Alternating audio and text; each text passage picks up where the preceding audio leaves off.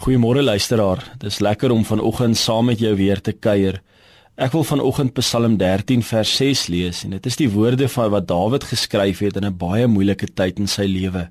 Ek hou vas aan u troue liefde, oor die uitkoms wat u gee, juig my hart. Ek wil sing tot eer van die Here omrede hy my goed gedoen het. Soms gaan ons deur moeilike tye in die lewe. Baie kere is die moeilike tye soms keuses wat ons gemaak het wat negatiewe gevolge het dan is daar ook keuses wat ander mense maak wat ons beïnvloed en dan leef ons in 'n gebroke wêreld waar swaar kry en moeilike tye deel van ons is.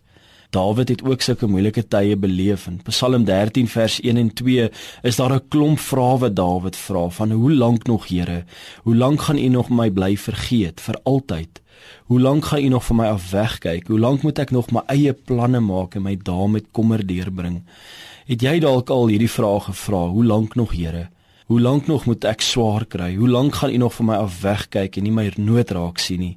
Hierdie vrae vra ons soms in die lewe en Dawid pleit by die Here en hy sê sien my raak, luister tog en antwoord my Here my God. En dan soek hy 'n nuwe lewenskrag by die Here.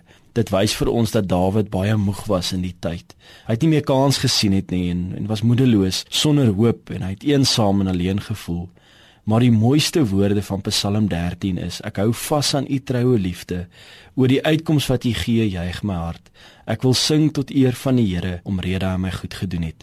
Dawid kon nie die uitkoms sien nie, maar vertrou dat die Here deur sy troue liefde sal uitkoms gee. Dawid het al deur moeilike tye gegaan en daardeur gewerk en God was daar. Daarom weet hy dit. Dawid kyk ook terug en sien hoe God wat nog altyd uitkoms gebring het vir kinders wat in hom glo en in 'n verhouding met God staan. Dawid juig ook nou al want hy glo dit en die Bybel gee ons baie verhale waar manne en vroue deur moeilike tye gegaan het. Die volk van Israel het baie keer soos Dawid gevoel.